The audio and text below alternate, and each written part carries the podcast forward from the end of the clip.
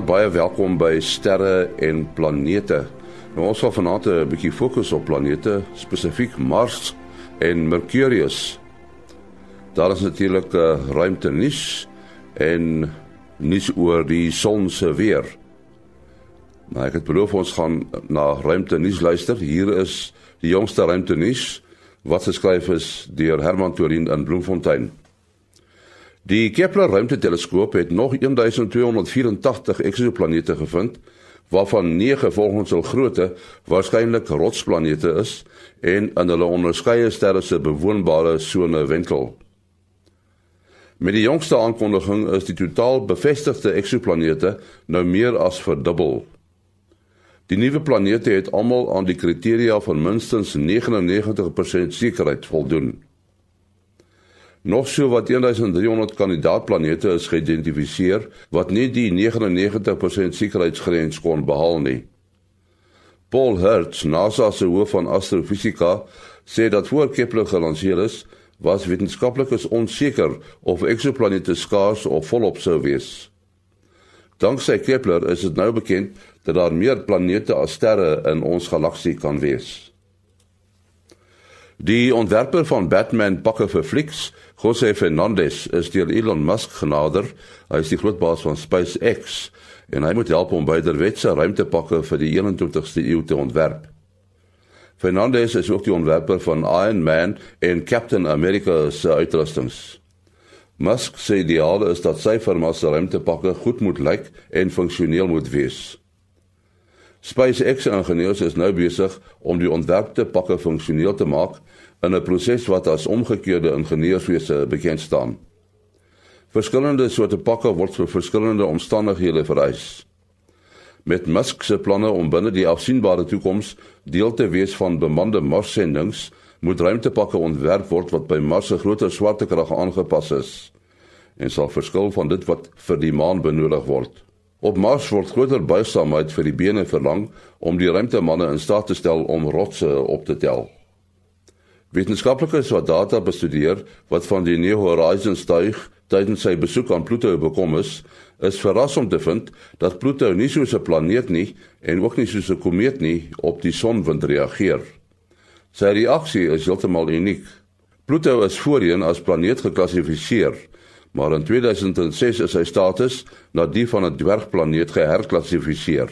Sedertdien is daar 'n toutrekkery oor presies as wat Pluto geklassifiseer behoort te word. Die jongste bevindinge wat pas in die vakjoernaal Journal of Geophysical Research gepubliseer is, klap sake oor 'n klassifikasie nog verder deurmekaar. Boonop meen die navorsers dat na mate nog meer inligting van New Horizons ontvang word, sal Pluto se geheime nog meer word. Tot sover dan ruimte nuus wat geskryf is deur Herman Torin in Bloemfontein. En nou skakel ons oor na Florida in Amerika vir nuus oor die son se weer. Hier is Kobus Olkers.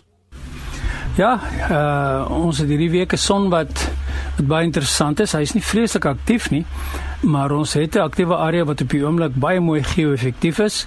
Ehm um, hy is redelik kompleks. Ons het 'n uh, suidpool wat omring word deur 'n klomp noordpole en hy het die so seker so 30% potensiaal om om 'n koronamas uitbarsting te maak. En dan het ons ook 'n uh, 'n filamente baie baie onstabiele ene wat ook wat reg langs hierdie ouetjie sit net links van hom en hy sit op 'n groot grens van positiewe oppervlakte op die son op die linkerkant en negatiewe opperkompleksiteit op die regterkant. Die ouetjie het 'n baie baie goeie kans om los te kom en hy kan vir ons sy effek gee Ek sou skat indien hy sou losbreek hier teen donderdag Vrydag se koers. En dan het ons verder nog 'n filament wat so regs bo op die son sit. Hy lyk vir my baie stabiel. En dan natuurlik weer die gewone koronagate wat wat so gereeld te voorskyn kom hierdie tyd eh, in hierdie tyd van die sonsiklus. Die is nou nog nie heeltemal uh, geo-effektief nie, maar ek skat ons sal hier so teen Woensdag se koers sal ons die die gevolge daarvan begin voel in in die vorm van 'n hoë hoë spoed sonwindstroom wat van 'n negatief nee, van 'n van 'n van 'n noordwaarts gerigte ehm um, area afkom en dis nie vir ons te veel probleme gaan gee nie. Dis ons storie vir hierdie week. Dit was Kobus Olkers in Florida, Amerika. Ons het vir uh, Willie Koorts van die SAAO en vir professor Mati Hofman van die Universiteit van die Vrystaat, die Boden Sterrewag en die digitale planetarium by ons. Ja, as jy mens na Facebook kyk, Bakkies blad noem ek dit sommer, en dan sien jy mens baie foto's wat ouens geneem het uh, van hierdie oorgang, nê, die transit in Engels van Mercurius voor die son. Uh wil jy het jy daarom uh, dit kon regkry om iets af te neem? Hierdie was nou 'n lekker lang wag gewees en en 'n lekker beplan die naweek al my goed oor mekaar gekry en teleskope uitgesoek en afgestof en te kere gegaan vreeslike ding beplan wat ek wou doen. Die weervoorspelling het baie goed gelyk in die begin so 'n week voor die oorgang en toe ons ooggroepie ons Orion observasiegroep uh, wat so 'n informele sterkende klubie is kan jy amper sê het beplan om bymekaar te kom by die Taalmonument waar ons maar gewoonlik ons ons uh, uh, ons nag sterre kyk aan die ooghou. Ons het toe daarso opgestel, maar die weervoorspelling het al hoe slegter begin lyk en was toe ongelukkig waar. So die eerste kontak moes ons toe nou op die internet kyk op 'n tablet. Ons kon eers sien waar die son is, nie, maar darm so 'n uh, uur en 'n half amper 2 uur in die 7 en 'n half uur gebeurtenis.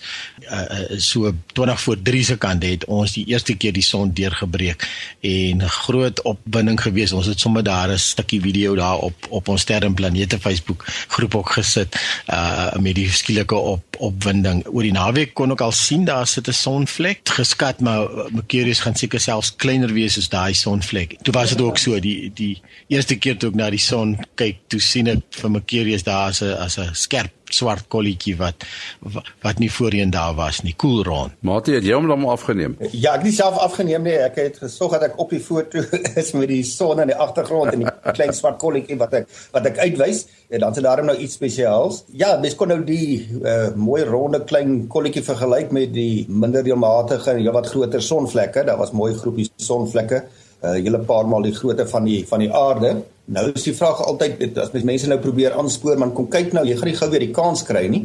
En dan vra hulle maar wanneer is die volgende uh, Mercurius transit? Dit is 'n spesiale gebeurtenis want jy sien die wetenskap wat ons lees van die bane van die planete rondom die son. Dit sê soveel uit 'n wetenskaplike oogpunt as jy dit nou met jou eie oor oor waarneem en as jy nou vir daardie sirkeltjie wat Mercurius verteenwoordig wel Mercurius self jy sien hom nou net pik swart teenoor die helder agtergrond van die son Jy sien hom oor die son beweeg in 'n paar ure en dit is as ware sy baanbeweging uh wat jy om die son sien. Daar's so 'n bietjie beweging van die aarde by want waar jy hom teenoor die son sien, dan vang die aarde se eie beweging ook af. Ek het so 'n bietjie op die lys afgegaan en die volgende geleentheid gaan nou eers in 2019 wees, 11 November.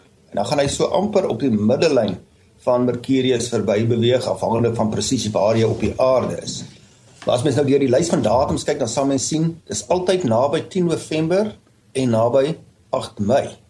So dit dan vra mens nou maar hoekom weet dit wetenskaplike oogpunt probeer ons altyd goed verklaar. En as mens nou jou sou verbeel, jy het nog glad nie van bane en al die die, die bewegings en presies hoe die sonnestelsel werk nie en jy hou bloot boek van wanneer hierdie gebeurtenis plaasvind, dan sal mens sien dat die die tyd vanaf 1 transit in November en die volgende transit in, in November of 17 jaar of dit kan 13 jaar wees of dit kan selfs 33 jaar wees. Maar dit is altyd daai tye of 7 of 13 of 33. En die Mei transit is weer slegs 13 of 33 jaar tussen poses. So dit vra vir 'n 'n verklaring en heel waarskynlik nie 'n een eenvoudige verklaring nie. En dan moet mens nou maar gaan kyk wat hoe lyk die bane wat Mercurius se baan nou onderskei van die meeste ander planete is dat die hoek wat daai baan met die ekliptiese vlak maak en die ekliptiese vlak is basies die baan waarin die aarde om die son beweeg is uh, omtrent 7 grade. So dis groter as enige van die ander planete. En natuurlik die transit kan slegs plaasvind as Mercurius se baan vir daai tydjie die ekliptiese vlak is so mens kan nou jou voorstel as jy die baan 'n uh, plat sirkel maak en jy vat 'n ander effense ellips want die Mercurius se baan is heelwat meer ellipties of afgeplat as die aarde sin, dan sny die een baan die ander baan op twee plekke. Dis wanneer die transit kan plaasvind wanneer Mercurius se baan deur die ekliptiese vlak gaan en dit gebeur net met daai tussenposes. Uh die Mei transit uh, vind plaas wanneer Mercurius, dit is nou die een is wanneer hy naby sy aphelion is en die ander een is wanneer hy naby sy perihelion is. Die perihelion is die naaste punt aan die son en die aphelion is die verste punt van die son. November transit vind plaas naby aphelion. En as jy sou gaan kyk na hoe gereeld beweeg Mercurius deur die ekliptiese vlak, dit hang nou af van sy ongeveer 88 dae omwentelingsperiode saam met die aarde se beweging want Mercurius gaan net meer as 4 keer om die son as die aarde een keer omgegaan het. Ja, dis baie interessant. Maar om nou so iets af te neem, eh, dit dit wil nogal gedoen wees nee, wel, want put jy nie moet 'n foto vir jou teleskoop hê en uh, dan moet jy presies die kontras en die goed reg kry, nee as mens eintlik met jou oog kyk, moet jy seker maak dat jy 'n veilige filter het dat die ultraviolette nie in die in die infrarooi nie jou oog beskadig nie want jou oog het glad nie gevoel nie. So eh, die veilige filter vir jou oog is natuurlik nie noodwendig dieselfde filter wat jy vir jou kamera kan gebruik nie want jou kamera sal nou nie beskadig word deur daai frekwensies nie. Maar uh, ons gebruik maar sommer gewoonlik dieselfde ene en ons gebruik maar hierdie ge, hierdie blinkpapier, hierdie geluminiseerde uh, mylar. Dit is maar dieselfde filter filters wat jy dan gebruik as jy jou verduisteringsbrilletjies. Daar is ongelooflike foto's al klaar op die internet van uh professionele opstellings waar hulle byvoorbeeld die lig net in in in baie kort uh, golflengtes uh, gebruik soos byvoorbeeld waterstof alfa ensovoort en dan kry jy die fantastiese fotos daarso. Die meeste mense op die, op die internet doen maar die amateurs het dieselfde tipe filters gebruik as wat jy jou verduisteringsbrilletjie dan basies het uh, wat partymal of vir jou so 'n wit beeld gee of miskien 'n geelerige beeld en tot uh, so 'n mooi rooi beeld wat vir jou 'n goeie goeie gevoel van hoe die hoe, hoe die son eintlik daar uh, lyk. Like. Ek het uh, ook op die internet gesien daar was 'n uh, foto van die maan, een of ander ek dink sterrekundige in Roemenië het uh, die internasionale ruimtestasie afgeneem terwyl die voor die maan verby beweeg. Maar hy moet nogal weet wat hy doen want die uh, ruimtestasie die trek natuurlik teen 'n spoed. Dis die eerste ding. Die tweede ding is hy die foto in die dag gaan neem. Uh, ja, dit is iets wat ek al 'n keer of wat probeer het. Daar is nogal 'n lekker programmetjie op die internet, 'n uh, webwerf Kelsky uh CAL vir soos vir calculate calculate sky cal sky en dan kan jy gaan inteken daar en dan kan jy vir uh, cal sky sê waar is jy op die aarde en dan stuur hulle vir jou uh e-pos wanneer daar 'n opleiding plaasvind. Ek is nie seker of hulle in die dag dit ook voorspel nie. Ek dink amper so. So ek het dit nou al ek, uh, so 2 of 3 keer in die nag probeer en reg gekry. Maar hierdie dag ene is is nogal besonder. Ek het ek het nog nie nog nie voorheen hom in die dag gesien nie. Uh daar's ook 'n toevallige foto van wat die oorgang van Mercurius afgeneem het en toe daar 'n vliegtuigie voor die son uh, ingevlieg. So jy, jy kry partymal as jy sommer gelukkig die persoon het dit eers agterna gesien toe hy sy video 'n uh, fotootjie deur gekyk het. Ja, Mati, as jy mens nou uh, na die ooste toe kyk, dan sien jy so 'n rooi voorwerp En natuurlik is dit nie 'n ster nie, dit is Mars. Hy is taamlik helder, nee. Uh ja, Mars is verbasend helder. Uh, en hy sit dan naby die baie naby aan sy maatjie Antares, altoe effens roeierige voor uh, voorkoms. Maar nou is Mars heelwat helderder as Antares. Antares is natuurlik die helderste ster in die Skorpioen. Ek moet net mooi dink, uh, weet jy, ek dink mens moet eers so uh hier by Bloemfontein omgewing 9:00 die aand kyk of dalk 'n bietjie later dat die dat daai omgewing nou net 'n bietjie hoogte kry. Want weet as Orion ondergegaan het, dan kom die skorpioen op. Ja, so dit moet daarom al ook nie te laat wees nie.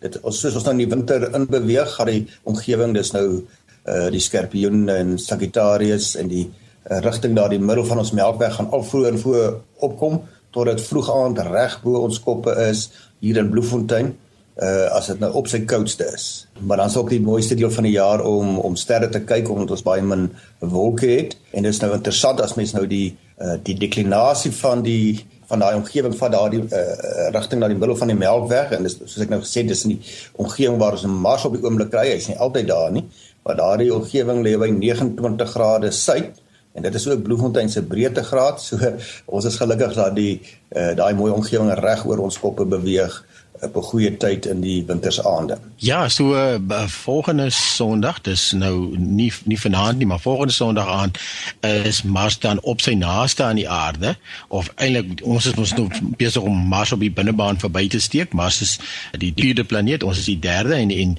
hoe nader aan die son, hoe vinniger beweeg die planete om die son.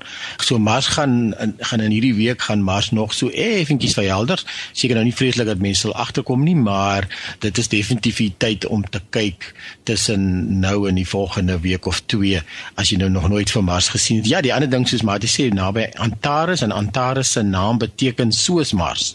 Uh in Engels praat hulle van arrival of Mars. So Antares lê ook naby die ekliptika. Dit is aan die pad wat die planete beweeg en ehm um, so by tye soos nou kry jy dat die twee rivals, die twee die die die, die, twee wat mekaar die helderheid aansê, die, die stryd aansê om te skien wie se helderste uh, uh, lê by mekaar en op die stadium wen Mars loshande.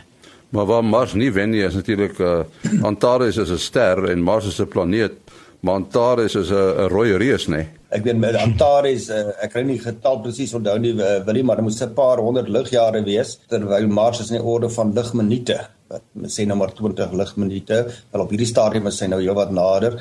Hy's uh, nader as die son en die son is 8 ligminute, so hy seker nou so 'n uh, bietjie minder as 4 ligminute van ons af.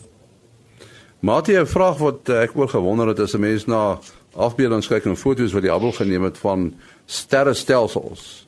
Jy weet ons is nou die Melkweg en dan so Andromeda, die Sombrero, daar's 'n hele klompie. En as jy mens nou na hulle kyk hoe hulle in die ruimte rond dryf, want dit is wat hulle doen. Is dit interessant dat hulle hulle rigting verskil heeltemal. Wat bepaal die rigting van so 'n sterrestelsel? Met wanneer hoe hy lê teen watter hoek? Jy kan jou voorstel as baie baie van mekaar af van die een sterrestelsel na die volgende sterrestelsel sal tipies in die orde van 'n paar honderd duisend ligjare wees as hulle nou in een uh supertros is en so daar's geen direkte verband of kan ons sê 'n kragmoment wat sou wou maak dat hulle dieselfde oriëntasie sou soos as jy 'n 'n klomp voorwerpe vat wat nou oriëntasie kan hê. So kom ons sê 'n klomp vierhoutjies en dit word versprei om jou. Dan die kans wat klein dat hulle uh, gaan opeindig in 'n oriëntasie dat die vier houtjies uh, parallel aan mekaar gerig is. So mense sou verwag dat hulle tipies taalwillekeurige oriëntasies teen opsigte van mekaar sou uh, sou hê. Maar ek weet daar's on, onlangs waarnemings gedoen in van die polarisasie van van radiogolwe. Dit was daar uit, uit die van die sterkundiges in die Kaap wat waargeneem het dat die uh, radiogolwe wat van ver ver afgeleë sterrestelsels kom daarop dui dat hulle dieselfde oriëntasie moet hê al is hulle baie baie ver van mekaar af. En dit is iets wat nog nie 'n verklaring kan hê nie. So ek het groot geword met die idee dit is totaal willekeurig, maar lyk my daar's tog omstandighede wat eens een of ander misterieuse rede daar 'n uh, 'n ooreenstemming is, een of ander historiese sameloop van omstandighede in die oertyd toe hulle nou begin vorm het wat maak dat daar nie net 'n willekeurige oriëntasie kan wees. Ja, wil jy as ons praat van 'n plaaslike groep waarvan Andromeda nou 'n deel is, wat is die verband tussen die groepe? Is is dit net omdat hulle naby is, naby aan mekaar? Ja, ons ehm um, Melkweg en omtrent so dosyn uh, ander galaksies is ehm um, die maak deel uit van die plaaslike groep en hulle is na naby genoeg aan mekaar dat hulle dat hulle mekaar se gravitasie voel as ek reg verstaan. So hulle is sit eintlik in 'n in 'n tipe van 'n van 'n tros soos wat Martin nou genoem het. En ja, en dan is dit net ongelooflik van hierdie trosse vorm nou weer supertrosse en hierdie supertrosse vorm groot mure. So dit is ongelooflik groot daar buite as 'n mens net eers begin begin in hierdie in hierdie in die detail begin ingaan van en kosmoloë is dan natuurlik die mense wat hierdie stelsel sal bestudeer. Ongelukkig moet ons afsluit, Mati. Nee nee, ja, uh, selfoonnommer 0836257154. 0836257154. Wat is? 0724579208. 0724579208. En my e-posadres is maas.henny@gmail.com. maas.henny@gmail.com. Volgende week kuier ons weer saam. Tot dan, mooi loop.